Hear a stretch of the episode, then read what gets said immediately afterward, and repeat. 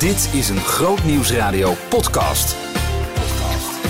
De Ouder Worden podcast Met Maurits Reinoud. in samenwerking met ProLife Zorgverzekeringen. Wat wil ik delen? Ouder worden hoort bij het leven. Maar dat is niet altijd makkelijk. Je komt vaak voor keuzes en uitdagingen te staan. En de relatie met familie, kinderen en de omgeving wordt daardoor nog belangrijker. In samenwerking met ProLife Zorgverzekeringen praten we in vijf afleveringen met ervaringsdeskundigen over ouder worden. Thijs Tromp is bijzonder hoogleraar diaconaat aan de PTAU en directeur van Relief, de christelijke vereniging van zorgaanbieders. In 2011 promoveerde hij op het onderwerp Life Review. Terugkijken op je leven, daar word je gelukkig van. En Jos Leijhorst is eh, directeur van eh, ProLife. Welkom allebei. Dankjewel. Dankjewel. Heb ik het zo een beetje correct gezegd? eh? Helemaal. Mooi. Eh, Thijs, we zijn bezig met een podcastserie over ouder worden. Eh, en, en wat wel aardig is, in aflevering 1 hebben we de vraag gesteld aan de gasten in die aflevering. Wat is eigenlijk oud? En ik dacht bij aflevering 1, die moet ik eigenlijk in elke aflevering even stellen aan de gast. En Jos heeft hem dus al gehad, want die zat in aflevering 1. Nou ja, wat is oud eigenlijk? Wat is oud? Ja, eh, je bent zo oud als je je voelt, is een eh, uitspraak. En ik geloof dat dat wel een, eh, een belangrijke uitspraak is. We hebben lichamelijke veroudering en daarvan weten we dat zo na je 25ste, 30ste er voornamelijk afbraak is, dus dat de vermogens minder worden. Maar er is ook iets als geestelijke, eh, een geestelijke toestand. En je kunt geestelijk gezien oud worden. Maar er zijn mensen die tot op hoge leeftijd geestelijk gezien eh, fris en groen blijven. En eh, daarom eh, moet je altijd voorzichtig kijken wat is oud. Ja. Je kunt dus qua leeftijd oud zijn, maar qua geest letterlijk jong van geest. Dat is wel een geschenk als je dat krijgt. Je kunt er misschien ook wel iets voor doen, maar ehm, ehm, je moet het genuanceerd eh, benaderen ja. vind ik. Er zijn ook mensen die ehm, zichzelf oud voelen op het moment dat ze niet meer nodig zijn. En dat is denk ik ook een belangrijk element. Dus oud is niet alleen een fysieke kant, maar ook een sociale kant. Op het moment dat je het gevoel hebt dat je er niet meer toe doet, mensen luisteren niet meer naar je of je bent niet meer van betekenis, dat kan het gevoel geven dat je oud bent. En voor sommigen is dat al op hun vijftigste. Ja. En voor anderen pas als ze tachtig zijn dat ze het gevoel hebben... oh, wacht even, ik krijg nu een andere rol. ja. Denk je dat jij ooit oud wordt, Thijs? Ehm, nou, ik denk het eigenlijk. Ik denk niet dat ik qua jaren heel oud word. Maar ik denk wel dat ik steeds een geest heb die altijd op zoek is naar het nieuwe en het verrassende. Ja.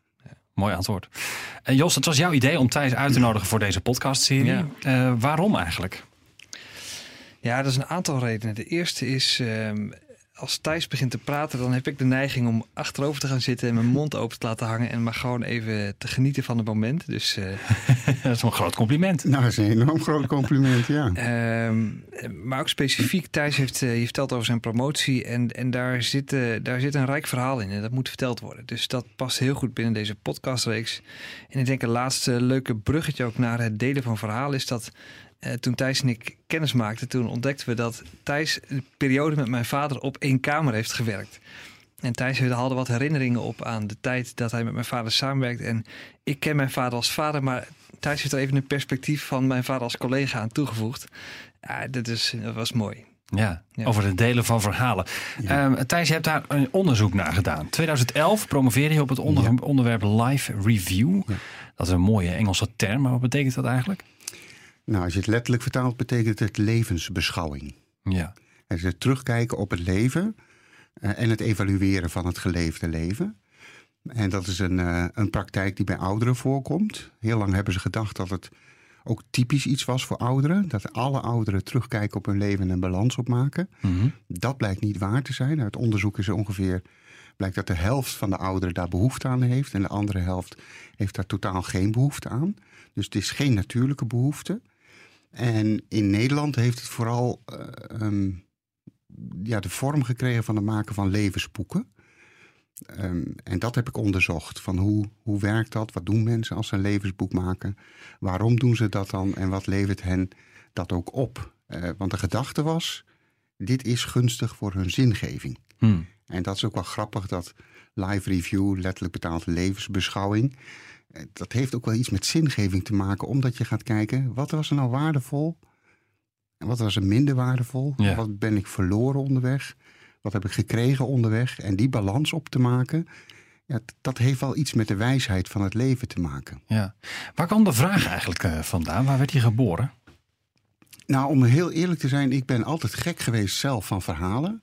Eh, dus, dus mijn leven staat bol van verhalen. Ik lees graag verhalen. Ik vertel graag verhalen. Ehm, dus zo oriënteer ik me in het leven. Dus dat is altijd wel een punt geweest. Een collega van mij, Wout Huizing, die was altijd al bezig met de verhalen van ouderen. En hij was geestelijk verzorger in een eh, verzorgingstehuis. En hij zei, ja, als je het over zingeving of geloof of levensbeschouwing moet hebben... zeker met ouderen die daar niet mee zijn opgegroeid... dan ligt er ineens een enorme vraag op tafel. Wat is de zin van uw leven? Of heeft u ook zingevingsvragen? Het duurde soms tijden voordat het gesprek weer een beetje op gang kwam. Hm. En hij ontdekte, als ik vraag... vertel eens, hoe is uw leven geweest? Wie is uw vader? Wie is uw moeder? Waar bent u geboren? Wat hebt u meegemaakt? Met één gingen ze overeind zitten en vertelden het verhaal van hun leven. En hij leerde mij, als je dan goed luistert, hoor je in die verhalen wat het toe doet. Wat pijn doet. Wie belangrijk zijn geweest. Wat je hebt geleerd. Waar de frustratie en de boosheid zit, maar ook de dankbaarheid. En dat zijn dan de thema's waar je als geestelijk verzorger mee aan de gang kunt. Hm. Dus hij leerde mij dat levensverhalen van ouderen de ingang bij uitstek zijn om het te hebben over zin en zingeving. Ja, en die levensboeken, die net al even genoemd werden, zijn dat dan boeken die in de boekhandel te krijgen zijn met allemaal vragen waar je dan het antwoord eh, in kan vullen? Die heb je ook. Eh, eh, moeder of ma vertel eens, opa vertel eens. Dus Ja. dat zijn invulboeken. Ehm, daar waren wij zelf niet zo kapot van, omdat wij ook merkten dat heel vaak eh, de levens nogal zo verschillend zijn dat, dat het niet goed paste. Mijn, mijn moeder heeft altijd een grapje dat zij vroeger ook een boek kreeg. En dat heette Het Boek van Ikke. En dat kon je invullen per dag en later per week, hoe je kind opgroeide. En mijn moeder zegt dan altijd, Thijs, je was zo uniek, na zes weken past hij al niet meer in het schema. en, en ik weet niet of dat waar is, maar dat, daar moet ik vaak aan denken. Heel vaak zijn die boeken eh, gemaakt voor de gemiddelde mens. En de gemiddelde mens, daar is er precies maar één van. Hm. En voor de rest is het heel vaak dat je met name afwijkingen op het spoor komt. Getrouwd? Nee, ik ben nooit getrouwd. Kinderen? Nee, ik heb geen kinderen. En, en die, die druk van het normale leven kan dan ook heel erg laden op. Ik heb het niet goed gedaan, of Ja. ik heb veel gemist, of ik heb heel veel verlies gehad. Terwijl als je de open vraag stelt: wat, is, wat heb je meegemaakt? Ehm, dan komt het echte verhaal, het authentieke verhaal. Dan wordt het niet vergeleken met een standaard levensloop. Dus het liefste zeggen we. Eh, vertel maar, hoe ziet je leven Ja. eruit? Welke hoofdstukken zitten erin? Hoe heten die hoofdstukken? Wie spelen er een rol in die hoofdstukken? Wat is het centrale thema? Dus hoe creatiever en hoe authentieker, hoe beter het is. Hm. Maar die andere kant kan ook, is soms wat makkelijker, heb je wat meer houvast. Maar de methode die wij hebben ontwikkeld, die, die is eigenlijk aan de hand van open vragen en gericht op geef het zelf maar vorm. Jos, ben jij eigenlijk iemand die veel verhalen van vroeger kent? Over mijzelf? Ja, over, nou, over, over, over mensen die ze hebben doorgegeven aan jou? Ja, ik, ik eh, ken wel dat verhalen buitengewoon inspirerend kunnen zijn. Ehm, dus hoor graag verhalen, lees graag verhalen. Eh, Ik hou er meer van als ze verteld worden. Want Ja? dan, dan, dan klinkt er meer in door dan wanneer het op papier staat. Ja. Ehm, eh, waar, waar ik aan moest denken is... ik heb op een manier het gevoel dat de, de verhalen van mijn grootouders... misschien wel meer beklijft dan de verhalen van mijn ouders. Is dat, is dat iets wat je herkent? Is dat... Ja, dit, eh, dit, dit, dit weten we uit onderzoeken heel goed. Dus we hebben ook eh, gekeken in hoeverre kinderen eh, behulpzaam kunnen zijn bij het levensverhaal noteren, opschrijven en vervaardigen van ouders. Dat werkt niet zo goed. Hmm. Ehm, Waarom niet? nou, dat weten we niet. Daar, daar- daar hebben we niet echt een verklaring voor. We hebben wel gezien dat kleinkinderen fantastisch werkt. Dus kleinkinderen zijn een katalysator voor de verhalen. Mijn hypothese, maar goed, nou komen we op wat glibberig terrein. Mijn hypothese is dat ouders de neiging hebben om een aantal dingen te verbergen voor hun kinderen. Dus als er zorgen zijn in het gezin, dan heb je de neiging om als ouders te denken: daar vallen we de kinderen niet mee lastig. Die moeten hun eigen leven hebben. Dus je wil ook voorkomen dat er vormen van parentificatie uh, optreden, dat Ja. kinderen voor ouders gaan zorgen. En ze vergeten, of misschien is het ook wel natuurlijk, ik heb er niet zo'n oordeel over, maar in ieder geval wat niet gebeurt, is dat op hogere leeftijd die onderdelen uit dat verhaal nog eens een keer open worden gelegd. En gezegd, wat jij vroeger nooit geweten hebt, is dat wij veel geldzorgen hebben gehad. Hmm. Wat jij vroeger nooit geweten hebt, is dat ons huwelijk langs de rand van de afgrond is gegaan. Dat is toen niet verteld en dat wordt nooit niet verteld. En kinderen hebben ook nog eens de aparte neiging om bij hun ouders voortdurend bevestiging te zoeken voor hun kant van het verhaal. Ja. Jij hebt mij vroeger naar het VWO gestuurd en je wist dat ik dat niet wilde en je wist dat ik dat niet kon en toch heb je dat gedaan. En daar heb ik heel veel last van gehad. Oude kindrelatie is, is soms misschien wel te ingewikkeld. Dus om een, een open verhaal te vertellen. Die is veel te geprofileerd. En Ja. er zitten veel te veel gevoelens en a- alle dingen die nog uitgestukt moeten worden. En soms zagen wij dat ook. Dat dochters of zonen, met name dochters, maar dat kwam omdat meer dochters er simpelweg bij betrokken waren, nog allemaal dingen wil- wilden uitstukken met hun ouders op hoge leeftijd. En dan doe je een ander, dat is ook nu- nuttig, maar dat is iets anders dan dat je je vader of je moeder laat vertellen. Dat is eigenlijk dat je nog erkenning wilt voor een stukje uit je jeugd. En tot op hoge leeftijd, hè, dit ging over een dochter van in de 70, die met haar moeder eind 80 eh, iets aan het doen was. Dus Ja. we blijven altijd Kind. moeder en kind, ook Ja. al heb je een respectabele leeftijd. Ja. Dat is wel bijzonder inderdaad. Dat die relatie zo lang door, doorakkert eigenlijk. Ehm eh, Thijs, ben je zelf iemand die veel verhalen van vroeger kent? Ja, ik, eh, ja, ik heb heel veel verhalen van vroeger. Dus ik heb een goed geheugen ehm, voor allerlei details. Eh, ik heb met mijn broers en zussen daar wel eens wat discussie over. Dan menen zij zich ook iets te herinneren. En dan zeg ik, nou, zo is het niet gegaan. En dan zeggen ze, jij denkt altijd dat jij het enige ware verhaal hebt. En dan zeg ik, ja, dat is ook zo. En ik heb ook een veel beter geheugen dan jullie allemaal bij elkaar. Ik weet niet of dat helemaal waar is. Dat is natuurlijk ook een spelletje wat je doet Ja. met elkaar. Maar ik hecht er wel aan om die verhalen van vroeger ehm, te vertellen. En die zullen ook wel wat vervormen, dat weten we ook. Ons geheugen is bepaald niet feilloos. Ehm, sterker nog, we vervormen elke keer onze verhalen op een manier die ons uitkomt in de fase waarin we nu ons bevinden. Hmm. En ja, is dat, dat is dus niet liegen, dat doe je niet bewust, maar er komen andere thema's naar voren.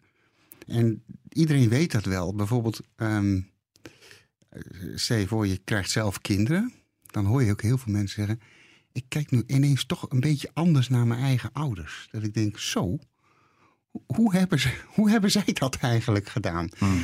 Eh, dan zie je dat de herinneringen, de feiten blijven wel hetzelfde. Maar de kleur en de betekenis ervan, en bijvoorbeeld dat er respect in doorklinkt, dat gaat dan veranderen. Ja.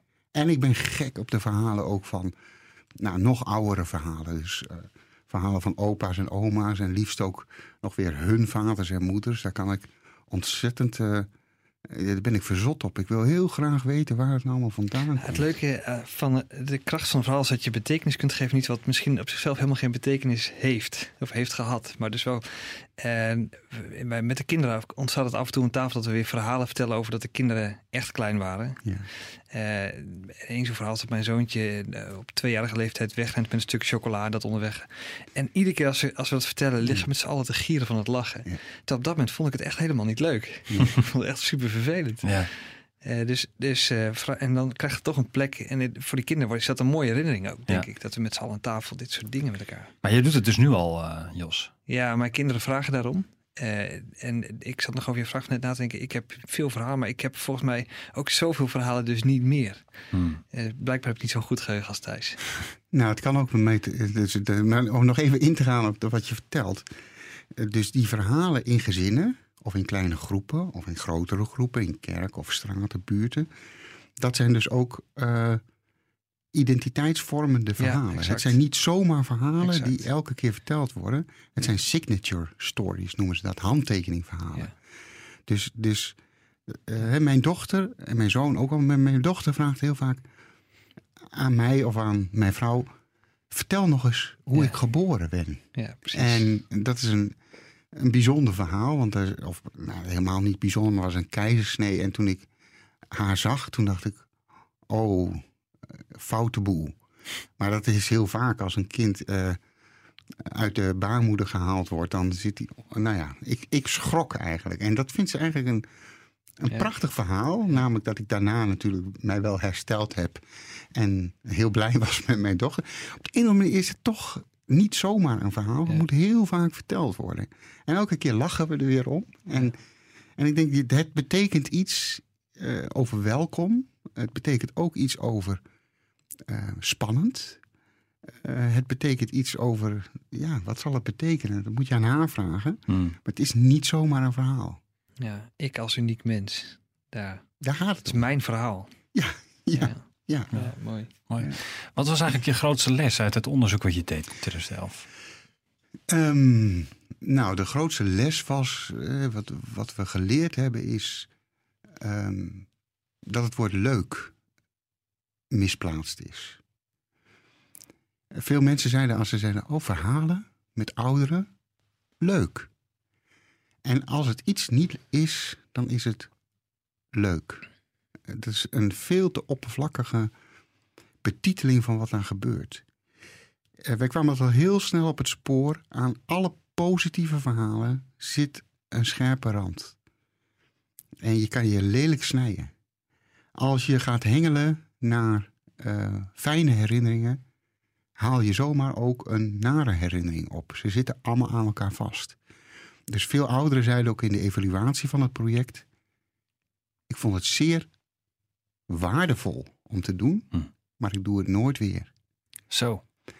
Betekent dat dat ze het achteraf niet hadden willen doen? Nee, zeer waardevol om te doen, maar het is ook heel intensief. Het confronteert je met alles wat er is geweest. Eh, het zet je even eh, in de spiegel van je eigen leven. En met de vraag: kan ik dat aanvaarden als mijn leven?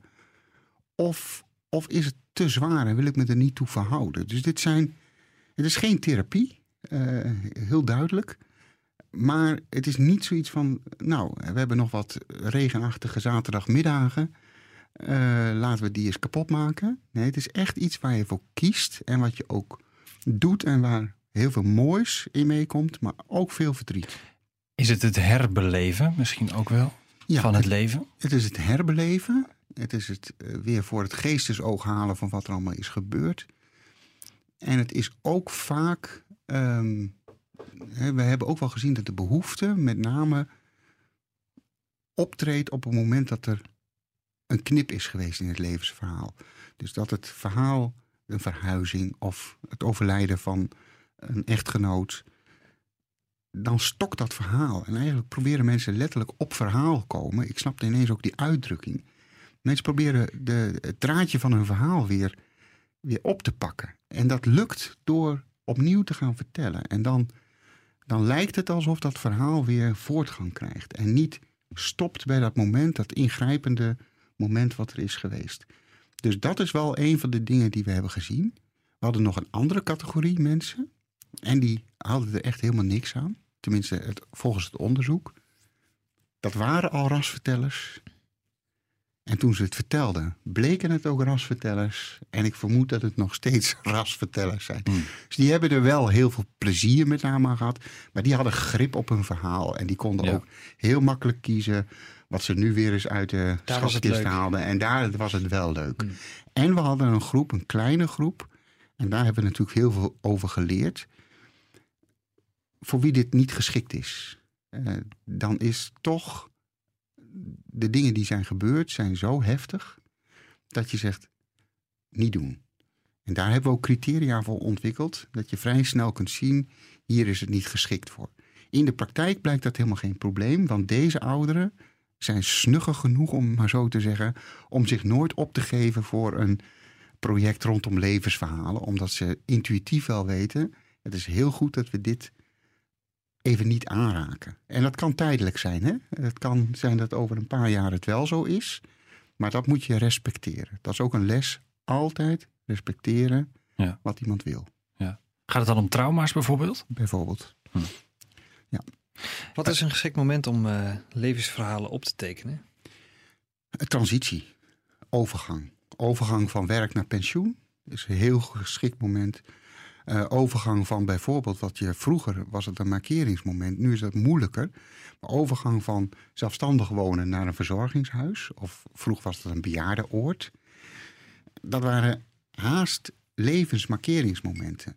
Je ziet, doordat wij in Nederland hebben besloten dat ouderen lang thuis wonen, zelfs in situaties met forse gezondheidsproblemen, dat dit soort markeringsmomenten in het leven eh, weg zijn. En dan zie je dat het allemaal in de huissituatie plaatsvindt en dan is het wat moeilijker te zien. Een ander moment vind ik, ge- geboorte van kleinkinderen eh, is zo'n moment. Of als kleinkinderen beginnen te vragen, hoe was uw leven vroeger? Eh, dus er zijn wel markeringsmomenten, maar het mooiste is als ze ergens hechten, haken aan een rieten passage, zoals ze dat dan noemen. Bij wie moet eigenlijk het initiatief liggen voor zo'n gesprek? Ja, het allermooiste is als de oudere zelf het initiatief neemt. Eh, maar we zien in, in, in situatie van zorg, hè, dus als sommige huisartsen die, die registreren dat ook, of een POH zoals ze dat noemen, die zeggen, hmm, hier is wat aan de hand, hier lijkt iets te stagneren. Het leven gaat wel door, maar het verhaal stokt. En dan kan het ook wel een tip zijn van... ga eens kijken bij een welzijnsorganisatie. Die hebben soms een, een verhalende eh, methode. Dan kunt u uw verhaal eens kwijt. Dus dan kan het ook het initiatief zijn van een hulpverlener... die een, eh, ja, een tip geeft. De aanbeveling was ook uit het onderzoek eh, om dit te gaan gebruiken in de zorg, live review. Ja. Hoe is er naar die aanbeveling geluisterd? Ehm, wij zien dat. wij hebben het onderzocht met zorgverleners. Dat gebeurt bijna niet. Zorgverleners hebben daar echt te weinig tijd voor. Wat we wel zien is de samenwerking tussen zorgaanbieders en welzijnsorganisaties. En dat loopt wel. Dus met name als welzijnsorganisaties, zeker als er vrijwilligers bij betrokken zijn, eh, een rol spelen. Eh, nou, dan, dan krijg- komt het ook tot bloei. Eh, maar is afhankelijk van mensen die toch projecten daarover opzetten. Ja. En een ander project, en dat is ook wel geslaagd geweest, is wat de NPV, de Nederlandse Patiëntenvereniging, heeft gedaan. Die hebben veel van hun vrijwilligers opgeleid om in het kader van het werk wat zij doen eh, met het terugdringen van eenzaamheid bij ouderen, om het daar ook als methode in te zetten. Hmm. En dat is ook zeer geslaagd geweest. Dus eigenlijk is wat we leren, en dat is niet het gevolg van mijn onderzoek, maar dat is eerder wat we uit de praktijk terugkrijgen, is dat vrijwilligers hier eh, de sleutel zijn. Hm. Mooi. Je, je noemt net dat het, ehm, de deelnemers het als waardevol ervaren. Ja. En je vertelde ook daarvoor dat verhalen gaan over identiteit. Wat is de waarde van, van dit verhaal voor de kinderen van degene die het vertellen? Dat is, ehm, ja, is heel verschillend. Eh, we hebben in ons onderzoek wel bijzondere dingen meegemaakt. Ehm, zo was er een mevrouw die haar levensboek heeft gemaakt en dat heel belangrijk vond. En toen het klaar was, heeft ze hem verzegeld, aan de notaris gegeven. En gezegd, als ik ben overleden, mogen mijn kinderen het lezen. Er zat een geheim in. Hm. Wat zij niet wilde delen met haar kinderen zolang ze in leven was. Maar waarvan ze wel vond dat haar kinderen het moesten weten Ja. als ze overleden was. Ehm, er zat een ander verhaal, dat kwam niet op gang. Dat, er zat een, een hobbel in. En daar is ook een geestelijk verzorger bij geweest om eens over te praten. En wat bleek? Deze mevrouw kon haar verhaal niet vertellen. Want heel centraal in haar verhaal was het overleden, overlijden van haar eerste kind. En, ehm, en dit had ze nooit gedeeld met haar andere kinderen. Ze had daarna nog vijf kinderen gehad. En dit is gewoon, eh, dat ging in die tijd zo. Hier praat je dus kennelijk niet meer over. Voor haar was dat kindje was overleden was, wel degelijk zeer belangrijk. Mhm. Speelde een grote rol in haar verhaal. Maar ze, en zij kon haar verhaal dus ook niet vertellen zonder het niet over eh, haar eerstgeborene te hebben, die was overleden. Maar ze wilde ook een verhaal voor de kinderen maken. En dit kreeg ze niet bij elkaar. Ze liep daar helemaal in vast. Toen is er een sessie geweest waarbij haar oudste zoon eh, aanwezig is geweest. Daar heeft ze verteld: Joh, je hebt nog een broertje gehad. Dat was een emotioneel moment. Dat kan ik me voorstellen, ja. En daarna is het eh, verhaal vrij vlot op papier gekomen. Dus dat is een, een helend of een. Nou, helend. Het is een verrijkend moment geweest. Die kinderen hebben wel even gedacht: Ma, waarom heb je. Waarom heb je dit ons nooit verteld? Ze hebben vast gevoeld dat de moeder wel iets meedroeg. Misschien wel. Mijn, mijn moeder zei: Ik heb altijd gedacht, later als jullie groot zijn. En toen Mhm. dacht ik: Nu nog niet. Nu nog niet. En toen dacht ze: En nu ben ik te laat. Als ik het nu zeg, dan nemen jullie mij kwalijk. Waarom heb je het nooit verteld? Mhm. En toen heb ik besloten: Dan vertel ik het maar niet. En ik denk dat het heel mooi is dat ze toch aan het eind van haar leven dit wel met haar kinderen heeft gedeeld. Dat weet ik zeker. Nou, wat hebben kinderen eraan? Soms ook dat ze hele stukken niet wisten. Opleidingen die gevolgd zijn. Ehm, de situaties waarin mensen hebben geleefd. Ik had het laatst nog met. met eh, ik, ik kwam in een, eh, in, een, in een huisje. Dat was in, eh in Armen de Pot. In Amersfoort is dat. Daar hebben ze hele kleine huisjes en daar wonen ook mensen met een kleine beurs. En dat zijn eenkamerhuisjes. En ik kwam daar binnen en dacht ik, dit is het verhaal wat mijn vader vertelde. Hier is hij, in zo'n huis is hij geboren en opgegroeid. Daar stond een kachel, daar werd op gekookt. Er was een- een bedstee, daar sliepen mijn opa en oma. Aan de andere kant was ook een bedstee, daar sliep hij met zijn zus. Daar werd gegeten, daar werd geleefd. Zij woonden in één kamer. Mijn vader is van 43, mind you. Dat is nog helemaal niet zo lang geleden. Nee. En dat speelde zich allemaal daarin. eh, dit heb ik onlangs van mijn vader gehoord over Ja. die situatie. Ja. Ehm, ik vind dat wel verrijkend. eh, omdat ik ook iets snap van dat mijn vader wel behoorlijk tevreden is met wat hij heeft. Omdat het al snel behoorlijk wat stappen. Vooruit is ten opzichte van zijn eigen Het zijn ook jouw ouders. wortels. Het zijn mijn wortels. Ja. Ja. Ja, ik, ehm, mijn oma is onlangs 90 jaar geworden. En in de auto aan toe vertelde ik aan mijn kinderen een beetje wat zij in haar leven heeft meegemaakt. En dat is, ze heeft de oorlog meegemaakt en los van ook kinderen verloren. Maar boerderij, huis afgebrand. En ook het besef bij mijn kinderen, dat heeft opa dus ook meegemaakt. Mijn vader is nog relatief jong. Ja, dus ik heb me wel even gepolst. Ik denk dat de kinderen wel binnenkort weer bij je aankloppen, want eh, ze hebben daar vragen over. Mm. En ik, ik wil er eigenlijk wel even bij aanschuiven, want ik wil het ook nog wel eens. Ik, ik, we hebben het er wel eens over gehad, maar te weinig. Ik weet er te weinig van. En het zijn En- ook een beetje mijn wortels. En, de tip, en de tip is, wil je het horen van je vader? Neem dan je kinderen mee. Ja, precies. Ja, En dan gaat er Ja. een ander gesprek. ja, En dat is natuurlijk een- ook wel een vraag. Eh, kijk, Erik Eriksson, de, de, de ontwikkelingspsycholoog, heeft ook gezegd dat die generativiteit dat dat een belangrijk iets is. Dus, eh, dus je, je Het ver- verschil tussen de generaties. Nee, eigenlijk eh, generativiteit is iets wat je, wat je wil overdragen. Hmm. En je zou het ook met generositeit kunnen. Hmm. en, daar en, en dat bedoel ik waar we mee begonnen. Jouw vraag van wat is oud? En toen begon ik over een frisse en groene geest. En misschien is het- frisse en groene ook eh, het element van het, het, het genereuze. Het, eh, dat je snapt, ik heb ontzettend veel gekregen. En ik kan dus heel veel geven. En daar heb ik ook ontzettend veel plezier aan. Ik denk als, ja, dan wordt het van moralistisch. Eh, maar als, als je dit gegeven wordt, als je dit kan op een hoge leeftijd, dat je ge- genereus blijft, niet bitter.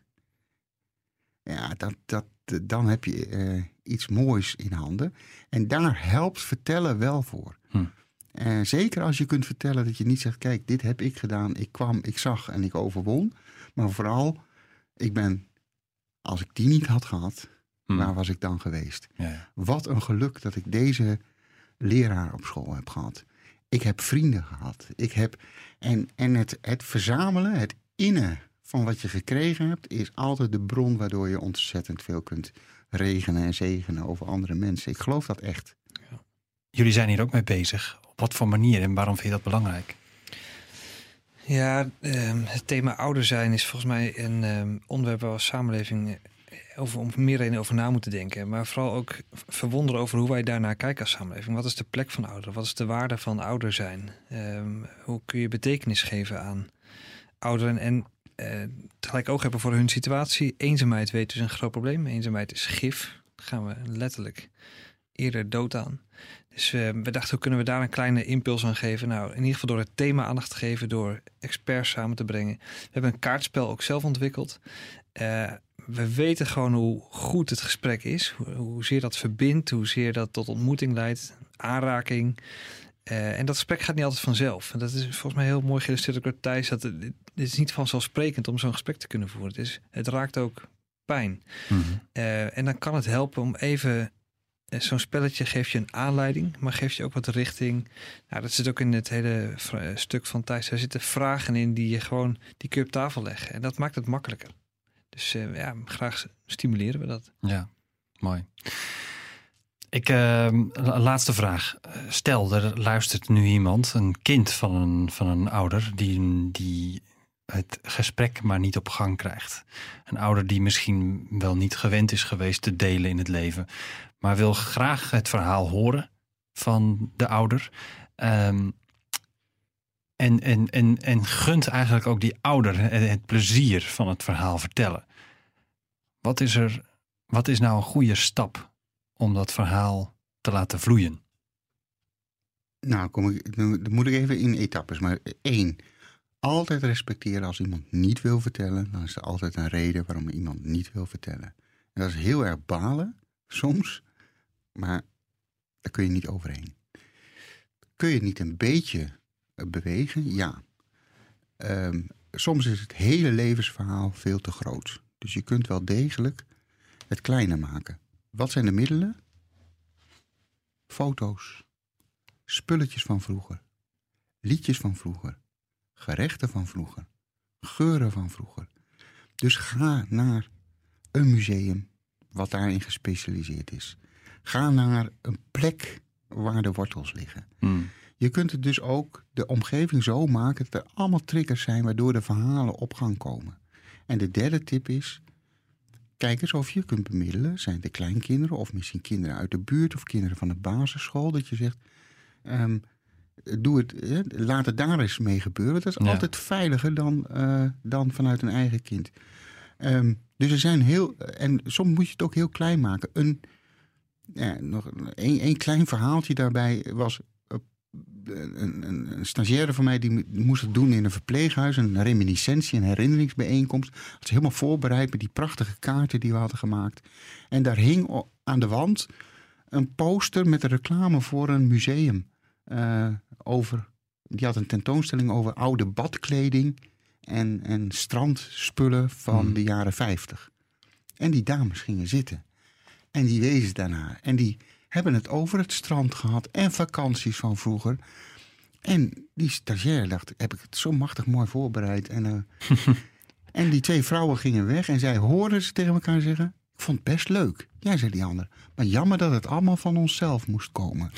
en, en zij vond dat teleurstellend. En ja. ik dacht, dit is het grootste compliment wat je hebt gekregen. Je hebt de ja. omgeving neergezet en vervolgens zijn de verhalen vanzelf gaan stromen. Dus soms is het ook niet direct, maar indirect. Zet de omgeving neer en je hebt kans dat er ineens de verhalen komen. Mooi. Thijs Tromp en Jos Leijhorst, hartelijk dank. Graag gedaan. Graag gedaan. Hier, uh, nee. Om ouderen en hun kinderen te helpen heeft ProLife Zorgverzekeringen het programma Ouder Worden ontwikkeld. Op prolife.nl slash zorgen voor elkaar vind je waardevolle informatie die kan helpen bij het ouder worden. Je kunt er ook de ProLife generatiekaartjes aanvragen. De ProLife generatiekaartjes brengen ouderen en hun kinderen en kleinkinderen met elkaar in gesprek. Goede gesprekken kunnen dus helpen om elkaar beter te begrijpen. Om ervaringen uit het verleden een plek te geven en te zorgen voor mooie herinneringen. Behoefte aan meer? Grootnieuwsradio.nl slash podcast.